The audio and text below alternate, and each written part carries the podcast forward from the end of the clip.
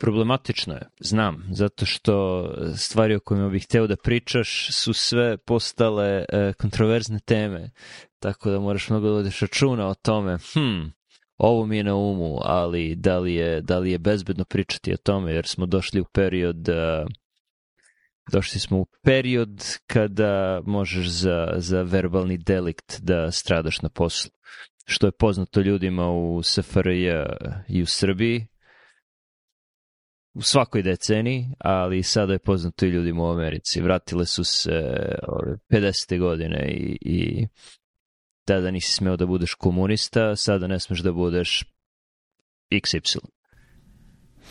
Da, nije mi to palo na pamet sada, ali da, više puta se desilo u ranijim um, snimanjima da, da se...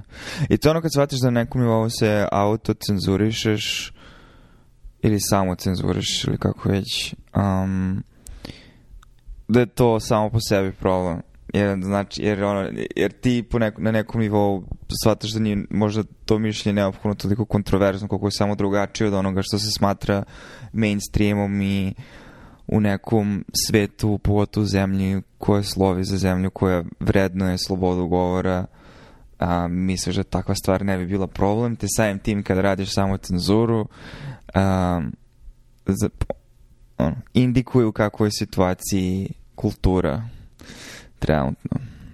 A dobro, to ti samo pokazuje u kakvom si položaju u životu, jer da, ovde je sloboda govora u smislu da neće niko iz države da te juri za bilo šta, naprotiv, ali, ali ako si vezan poslom ili drugim vezama i, i onda u tom smislu nisi slobodan, to je, to je ono, ograničenje slobode koji si sam izabrao. Nije, nije zato što živiš ovde, pa te država tera da, da nešto radiš, već zato što radiš za neko mesto koje gleda na jedan ili na drugi način na, na neke teme.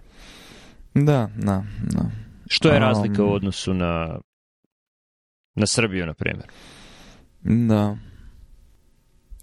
Jesi ispratio ovo što je bilo sa zamenom to bio je, nije bio Taver, nego je bio Tavi, ali minimalno invazivna zamena valvule u Engleskoj od strane Advanced Nurse Practitionera i kako je lekarska zajednica odreagovala na to prevashodno kardiolozi u Sjedinjenim državama ili...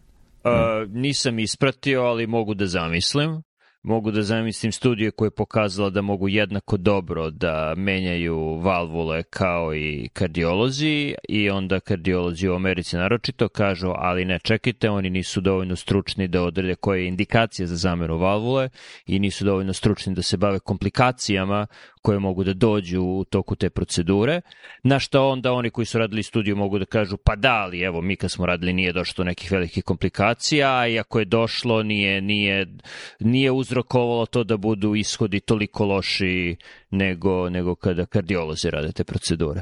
Ja sam, približno, ja sam približno ubo. Da, mislim da si 90% stvari ubo, da, da, da. Jedno što mi je bila studija u pitanju, mislim da je ovo samo bilo, pošto je u pitanju centar koji je jedan, jedan od pionira na internacionalnom nivou što se tiče minimalno invazivnih um, kardioloških procedura te vrste iz onoga što sam video um, i ovo je bila situacija u kojoj je Advanced Nurse Practitioner ili ekvivalent toga um, bio primarni operator, znači odradio je čitavu, čitavu proceduru. Um, I da, odgovor javnosti je bio u, upravo u, ta dva glavna konteksta u smislu da, u pitanju je tehnika, i, ali sa druge strane šta se desi kada dođe do komplikacija i ko uopšte radi selekciju pacijenata, da li je indikovano stavljanje nečeg poput ovoga ili ne i onda imaš odgovor sa druge strane, pa da li je pitanje tehnika. I još jedan aspekt ili još jedan argument s kojim su, ov, kojim su se služili, kardiolozi je bio da ono, fellow kardiolozi, znači su specializanti na kardiologiji, nemaju dovoljno proceduru u toku svog treninga, pritom su ono završili, bar u Americi, znači četiri godine medicinske škole, tri godine interne medicine i još tri godine kardiologije i sad rade, ne znam, neku sub-sub specializaciju u okviru kardiologije i nemaju dovoljno izlaganja procedurama već sada, a šta će se desiti ako u taj sistem uplivaju što je po znacima navoda bolnici um, profitabilnije, barem na kraće staze, uh, pošto neko mora onda da leči sve te komplikacije i da follow-upuje sve te pacijente i, i tada, ali um, znaš, postoje se pitanje koliko će i da će ljudi onda uopšte želiti da u kardiologiju kada možeš da radiš sve te napredne procedure kao neko ko je samo specifično fokusiran na to. Uh, mislim da se vraćamo na... Uh, bilo je potrebno stotine godina da, da se lekari i hirurzi posmatraju kao ekvivalenti. Dugo vremena su lekari bili lekari, ono, elita, koja je uglavnom ubijala svoje pacijente ili u najboljem slučaju je puštala prirodi da dovede stvari svojim tokom. A, a hirurzi su bili ono, zubari i berberi. I oni su sekli i to je bilo, bilo ono, e, manje, manje Sad sigurno nisu bili elita, bilo je manje, manje sofisti, sofisticirano i, i manje, manje intelektualni poziv. I onda je Louis XIV dobio absces na, na guzici, perirektalni absces i godinama ga je imao i lekari nisu mogli da ga, da ga ne znam da je ovo apokrifna priča, ali bilo je na omnibusu, tako da pretpostavljam mm -hmm. da je mhm. tačno. Pretpostavljam da su oni radili svoj, svoj domaći, što se tiče provere izvora i, i dugo, dugo imao probleme i najbolji lekari u Francuskoj i u celoj Evropi su mu davali trave, ovo ono i ništa nije pomagalo, dok nije jedan zubar berberin hirurg iz Pariza došao, zasekao lancetom i izlečio ga i od tada su hirurzi na istom nivou kao lekari. I tada je počelo ono sjedinjenje. Ok, baviš se intelektualnim radom, ali treba i da si manualno spretan. Tako da, da, da su se ujedinili. I mislim da polako dolazimo do trenutka kada se opet te dve stvari razdvajaju, gde jednostavno lekari kao profesija moraju da odluče, ok, da li smo mi uh, ti koji rade procedure, jer kad, kad radiš procedure, ono što više uradiš jedne te iste procedure i što, što si više specijalizovan za jednu proceduru, to su bolji ishodi, mislim to se zna. Što više radiš nešto, to si bolji u tome, to, to će manje pacijent, manje komplikacija imaš, uh, manje pacijenata umire, ima, ima, imaš bolje ishode.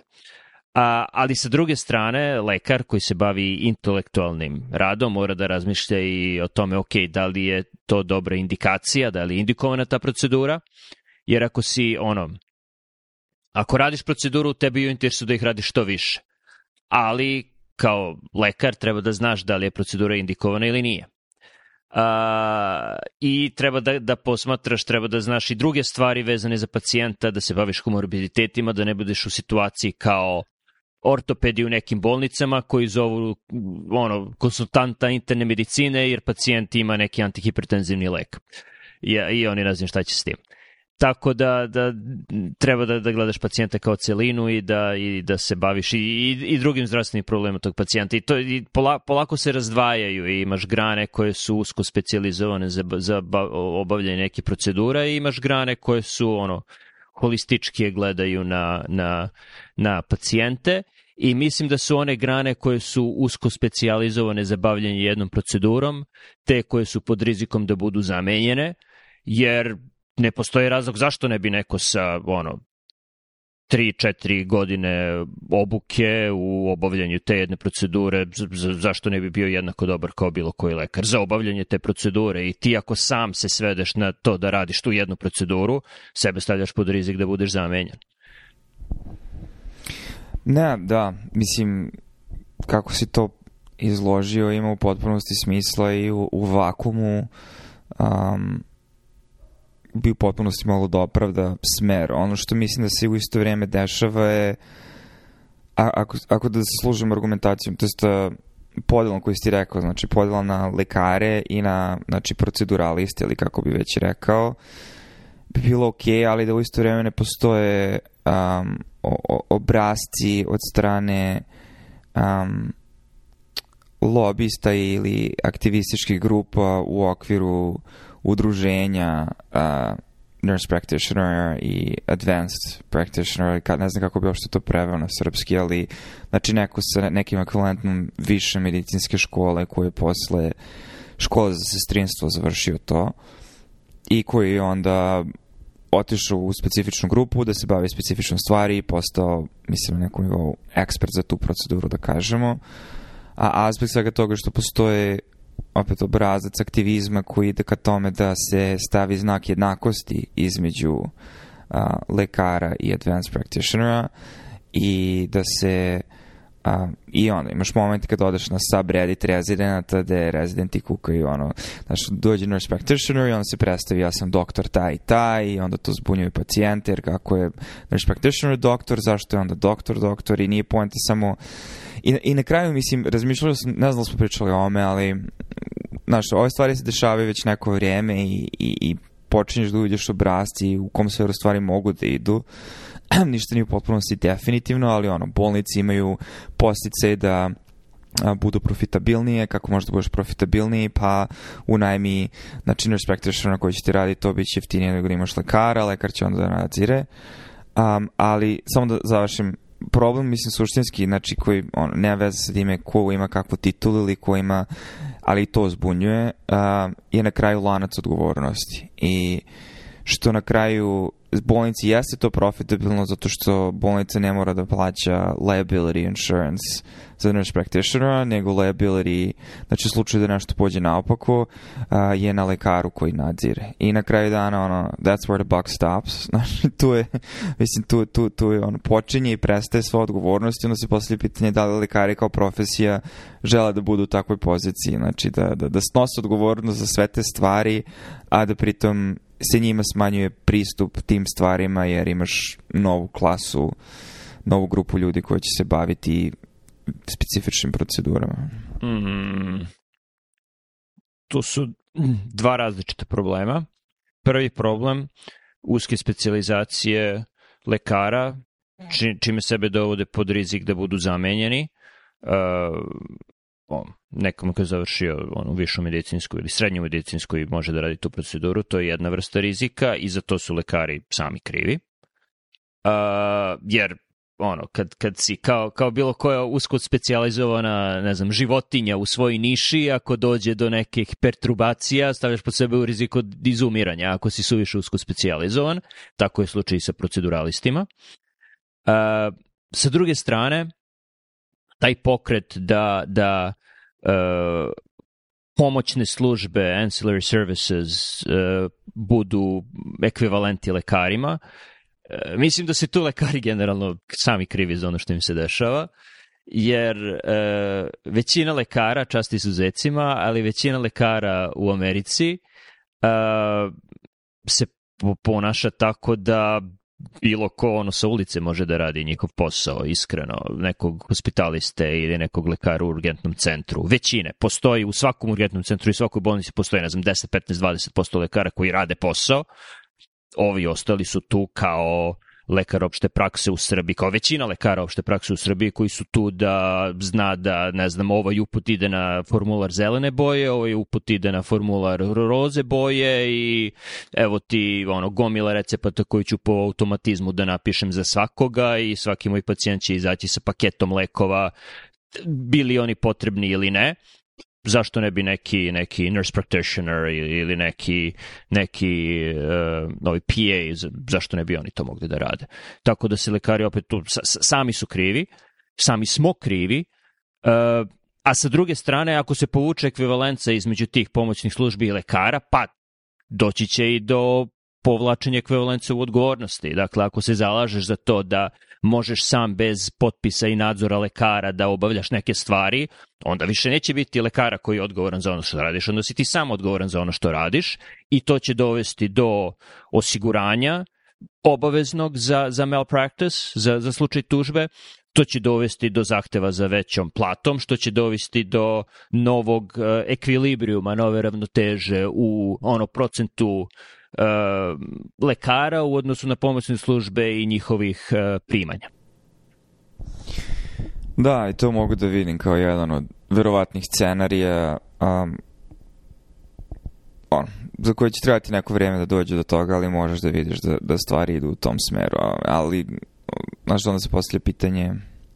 Mislim da, znači isto je problem u medicini s obzirom, znaš, jer ima, imaš problem sa druge strane, to je da za dosta stvari koje ti na kraju ostaneš da radiš kao znači neku svoju profesiju, znači tvoja specifična subspecializacija ili tvoje polje, znači imaš argumente koji go idu u prilog tome da je količina vremena i, i školovanje neophodno da ti dođeš do tog mesta uh, često i nepotrebna ili preterana, barem u domenu određenih on, uh, nastavnih jedinica u toku medicinske škole ili određenih kliničkih iskustava u toku tvog specijalističkog i subspecijalističkog treninga. Ono, da li kardiolog mora da bude tri godine internist u Americi da bi posle toga još ono dve godine išao na specijalizaciju da bi bio kardiolog. I uh, imaš... Mm, mislim da je internistički trening koji dobiješ ovde za vreme specijalizacije dosta koristan za obavljanje subspecijalizacije. Tako da, da... Ali da li mora da bude tri godine? Da li dve godine dovoljno? Ako si siguran da ćeš se baviti kardiologijom, ako se prijavljaš za kardiologiju, znaš, mislim... Da li može da se skupi na dve godine? Da, jer ono, većina programa ima elektive i druge stvari, ali uh, tu, tu sada povećavaš efikasnost na uštrb fleksibilnosti. Jer deo toga da, da, da specializacija traje tri godine je da neki ljudi koji su na elektivima i koji tu samo vise su tu da bi pokrivali kada se neko razboli, koji su tu ono da, da drže predavanja, da pomažu edukaciji mlađih, Znači nije, nije, to samo, nije to samo u svrhu da dobiješ završenog internistu na, na kraju treninga, već je to mašina tokom koje ti u toku svog treninga treniraš druge, tako da imati uh, rezidenta koji je treća godina je, je dosta je od, od velike vrednosti za, za program, jer ono imaš stariju osobu koja može da bude supervizor i može da, da radi edukaciju i koja je tu da, da, da, da uskoči ako se neko razboli.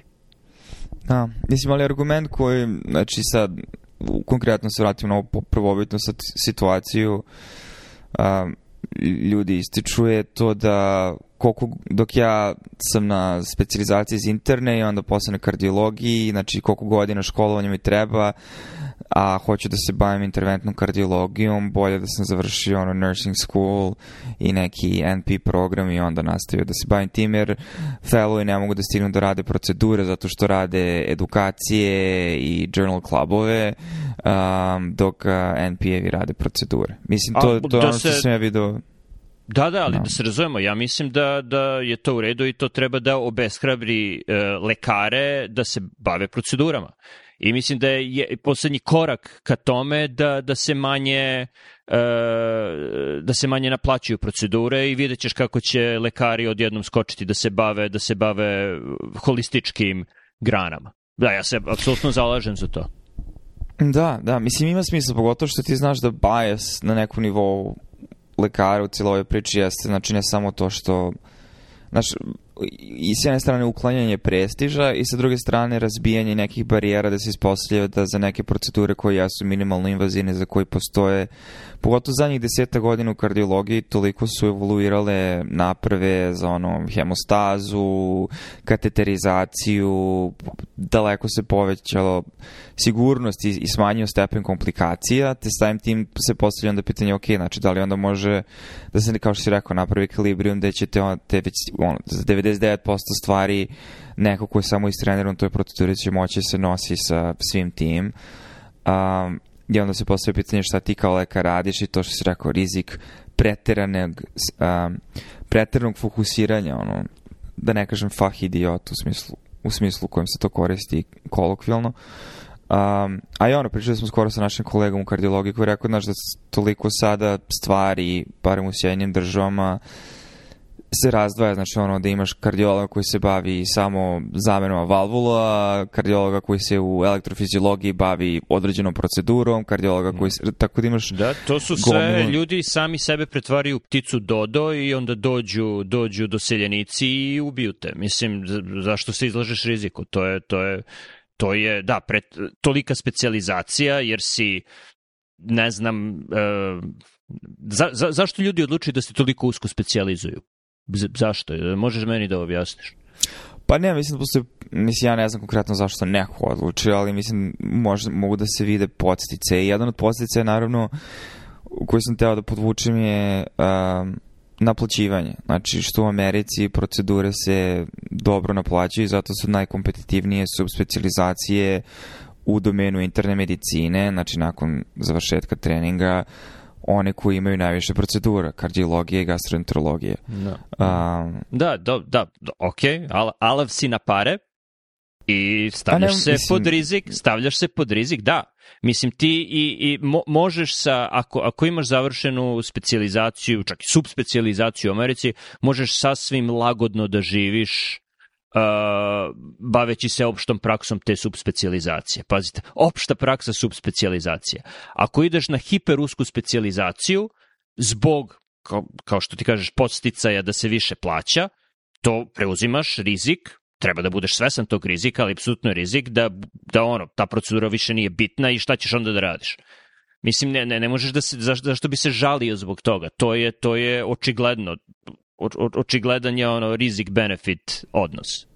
Na, mislim, dobro, to je, to je jedan način na koji možeš da gledaš, ali naravno situacija na terenu je malo komplikovanija, jer šta tebe čeka kao subspecijalistu u privatnom sektoru, šta te čeka u malo dostupnim, visoko kompetitivnim univerzitetskim poslovima i kada ti da bi radio u, u akademiji, bavi se nekim istraživanjem, moraš da donosiš i pare bolnici. Znaš, mislim, opet pričaći sa tim drugarom, mislim, postoji očigledno trend da opšti kardiolog u Americi počinje da gubi smisao, jer ono, na kako liči klinika opšteg kardiologa je 90% stvari koje bi internista trebalo da radi ili lekar opšte prakse trebalo da radi i sad radi opšti kardiolog.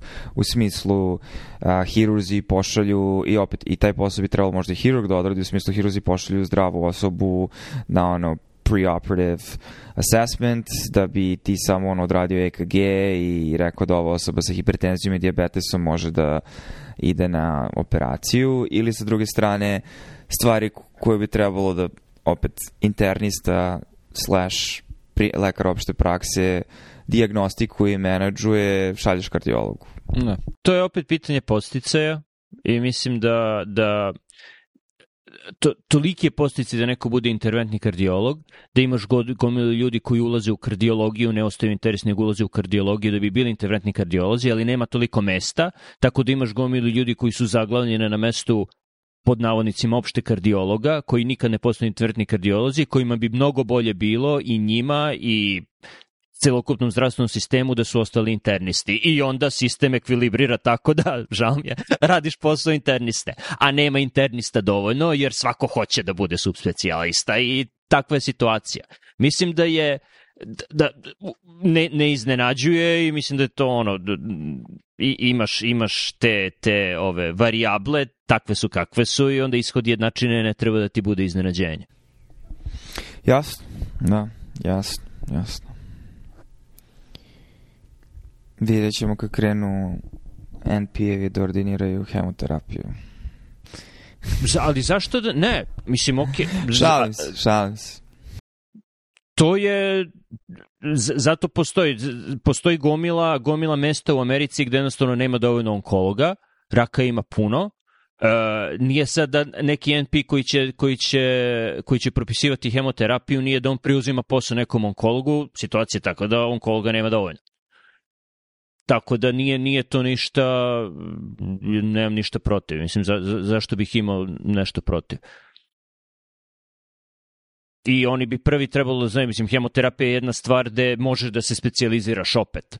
Ako nemaš dovoljno opšteg znanja iz medicine, možeš da, da se specializiraš za to, ok, ja sam, ako je nekome propisan, ne znam, Folfox ili Folfiri ili CHOP ili šta god, taj NPPA će ordinirati i pratiti neželjena dejstva jer zna kakva su neželjena dejstva, ali neće toliko dobro znati ok, da li je ovo uh, ne znam, folikularni limfom niskog ili visokog gradusa i da li treba da se da, ne znam, uh, bendamastin rituximab ili treba da se da R-CHOP ili, ili koja kombinacija to će biti manje domen, ali što, što se tiče same primene hemoterapije, zašto da ne?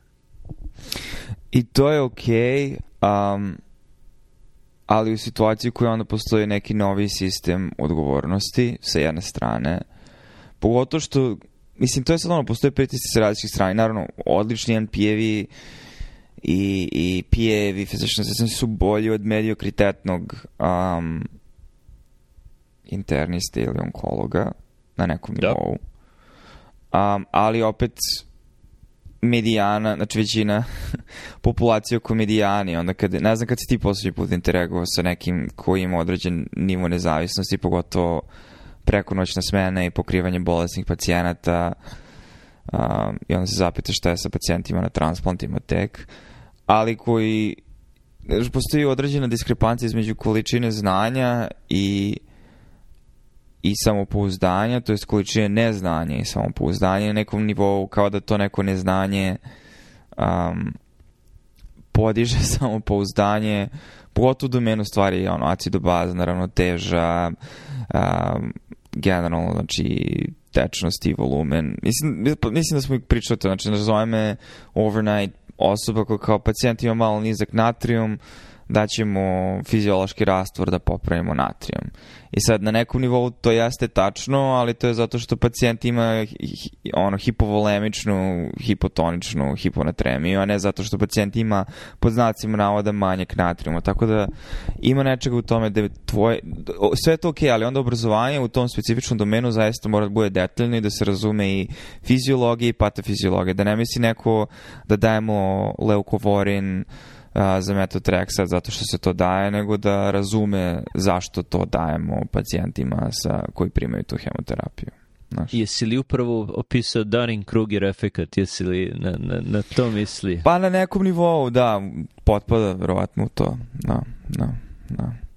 Ali da, mislim da ono, to je sad, u fluksu smo i ekvilibrijum će se naći negde i upitno je, znaš, kako će se to izbalansirati dokle god je to u interesu pacijenata i a, ljudima koji se bave negom pacijenata, ne u interesu osiguravajućih kuća i, i bolnica koje jure svoje profite, e- ekvilibrijum u kojem ćemo završiti će biti povoljan. Ali ono, znamo kako funkcionišu postice i, i, i kako je iskustvo lekara u Americi sada u interakciji sa lekarskim sistema i stopa burnouta i koliko ljudi ne žele da se bave profesijom kojom, kojom se bavilo godinama.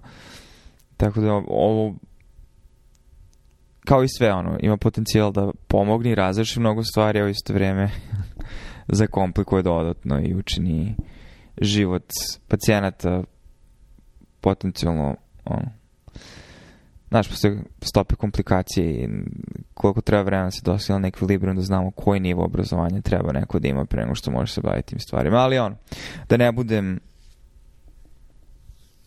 on, kako se zove ono dvojica iz Muppet Show što viču iz poslednjeg reda i a, stvari se menjaju Uh, ali, ali treba biti Mhm. Waldorf i... Ne sjećam se kako se drugi zove. Da, da ne budem jedan od njih, ovaj, mislim da samo treba svi da radimo zajedno na tome i da razumemo koji su rizici i da, ali naš sistem je sad tako napravljen da očigledno viš da postoje tenzije između tih a, profesija u određenim sektorima, Mhm. um, da ovaj, šanse da će se nešto kratkoročno razrešiti nisu, nisu, nije mi toliko izvesno. Ali, ali da te pitamo, imajući u vidu ovo o čemu smo pričali sa proceduralistima, neproceduralistima, problema suviše uske specializacije, šta misliš o, o, o sistemu u Americi gde ljudi prvo moraju da završe bar tri godine koleđa da bi otišli na medicinu, a da onda medicina traje četiri godine gde su dve godine prekliničke generalno, a dve godine kliničke ili godina i po je preklinička i gde moraju ponovo da rade e, ne znam, fiziologiju, anatomiju i tako dalje. I šta misliš o sistemu u Srbiji, generalno evropskom sistemu gde se ide u e, u školovanje u medicini odmah iz srednje škole i, i gde traje šest godina, gde imaš ono dve, tri godine preklinike i tri, četiri godine klinike. Pa sistem u Srbiji je super na papiru, ali u praksi je loš. Tako da dosta tog vremena koje ti provedeš tih šest godina na fakultetu je u principu gubljenje vremena. Što, što se tiče predmeta i spremanja stvari za ispit koje tebi kao lekaru neće uopšte trebati. I sa druge strane, baš sam skoro razmišljao o svojim vežbama iz hirurgije, recimo, ili interne medicine, gde ti niti si uključen u nego pacijenta, niti postoji bilo kakav strukturisani, strukturisana edukacija što se tiče kliničke prakse, a onda iz hirurgije imaš usmeni ispit, on, koji, mislim, je vrlo, mislim, ono, nešto što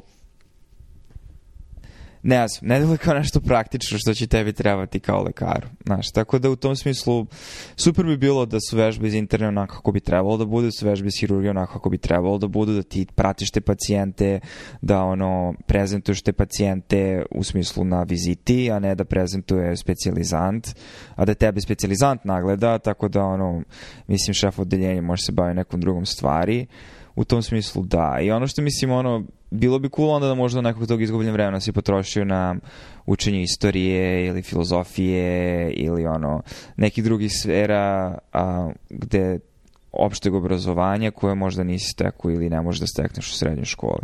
Mm. Ali sa druge strane opet u Americi imaš ograničenja druge vrste, a to je da osim ako nisi van serijski požrtvovan i, i, i, i zainteresovan, proćiš kroz gomilu stvari u toku fakulteta i nećeš baš razumeti a, šta se dešava u pozadini na... Mislim, postoji taj jaz ono, između histologije, patofiziologije i šta se dešava u praksi i onda se postoje pitanje koliko tih stvari je bitno, a mnogi od tih stvari jesu bitne za razumevanje bolesti. Um, i reakciju na neočekivane situacije. Tako da mislim da tu postoji neki ono, neka tenzija da ni jedan sistem nije idealan, um, ali svaki ima ono svoje, svoje loše strane.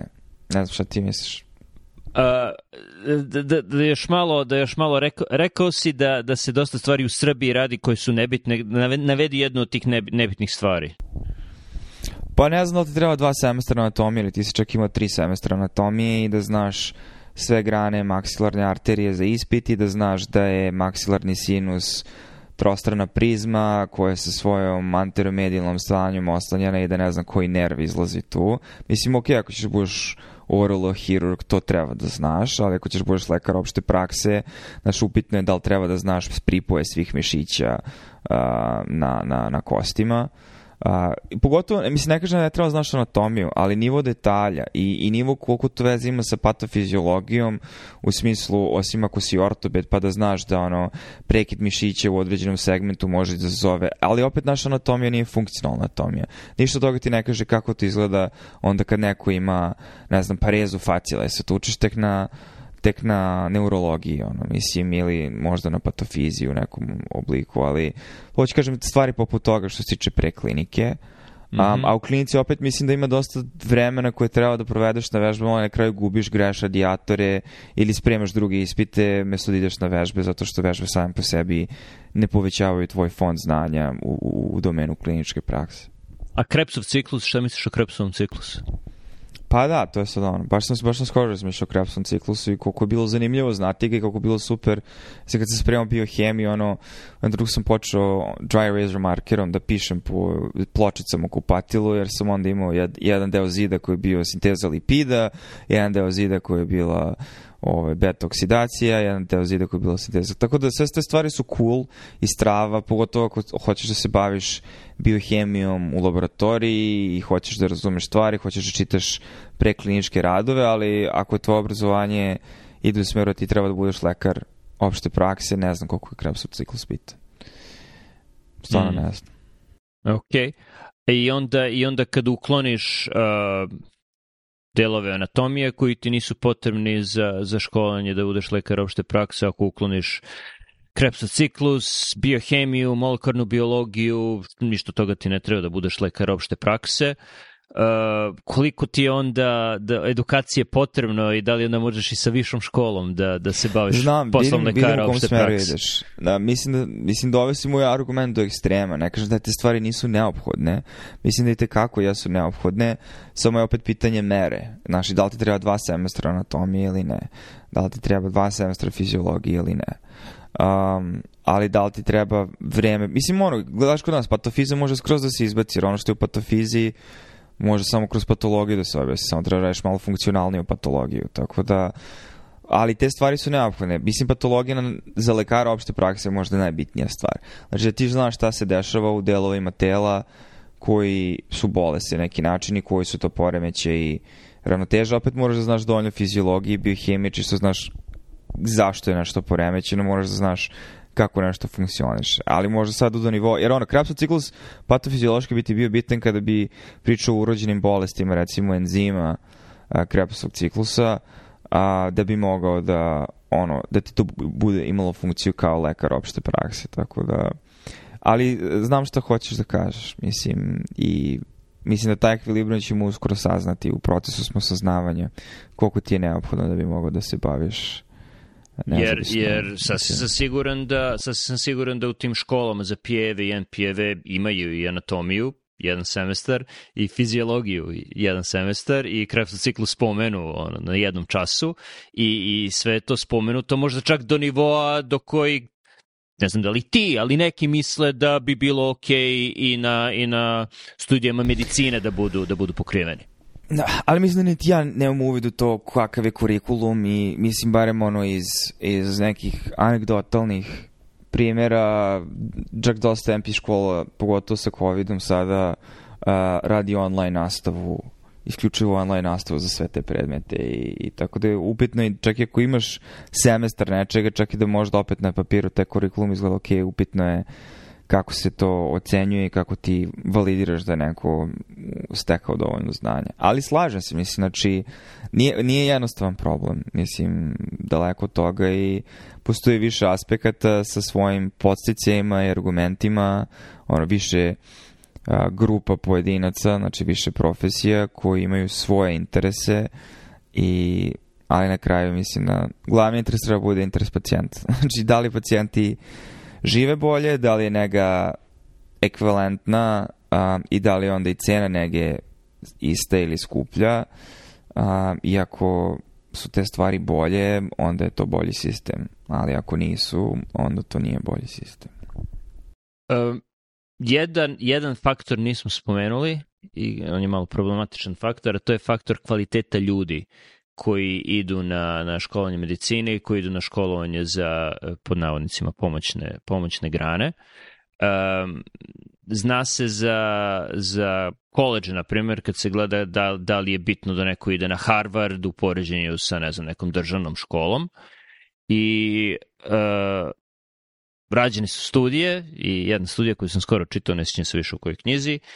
Da, knjiga koja se, zove se The Formula, bavi se uspehom. Uh, a znao sam i pre za to da u stvari nije, ako, ako je neko ima do, dovoljne kvalifikacije da bude primljen na Harvard recimo, imaće iste ishode kao neko ko išao na Harvard, čak i ako se odluči za neku školu nižeg ranga, jeftiniju, kako god. Tako da, ono, nije bitno da si završio to, bitno je da si dovoljno dobar da si mogao da završiš nekad.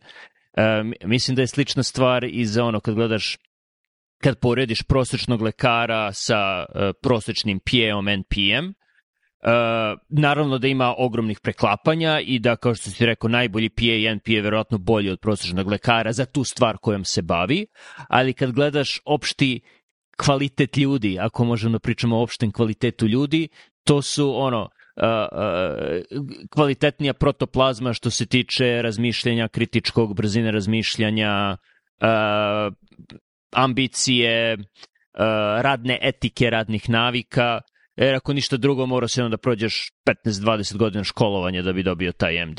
Tako da, da i, i, i tu negde postoje razlike i ono što ljudima smeta i što se ono dižu, a ne mogu oni da budu ekvivalentni, mislim da je ne, neizgovoreni deo taj deo. I to se vraća na tvoju prvu prvu opasku, a to je da ne možeš baš uvek da pričaš o svim tim stvarima, jer ovo što si ti sad izjavio, ja mogu da te optužim za predrasude. Ali... Mm, pa to nisu predrasude, možeš da vidiš, ok, da, jesu, sad, sad da, pratimo tu liniju razmišljanja. U pravu si, to je zato što uh, na koji način možemo da vidimo, ne znam, intelektualni kvalitet ljudi koji završe uh, u Americi bar MD ili dio školu u poređenju sa, sa PANP.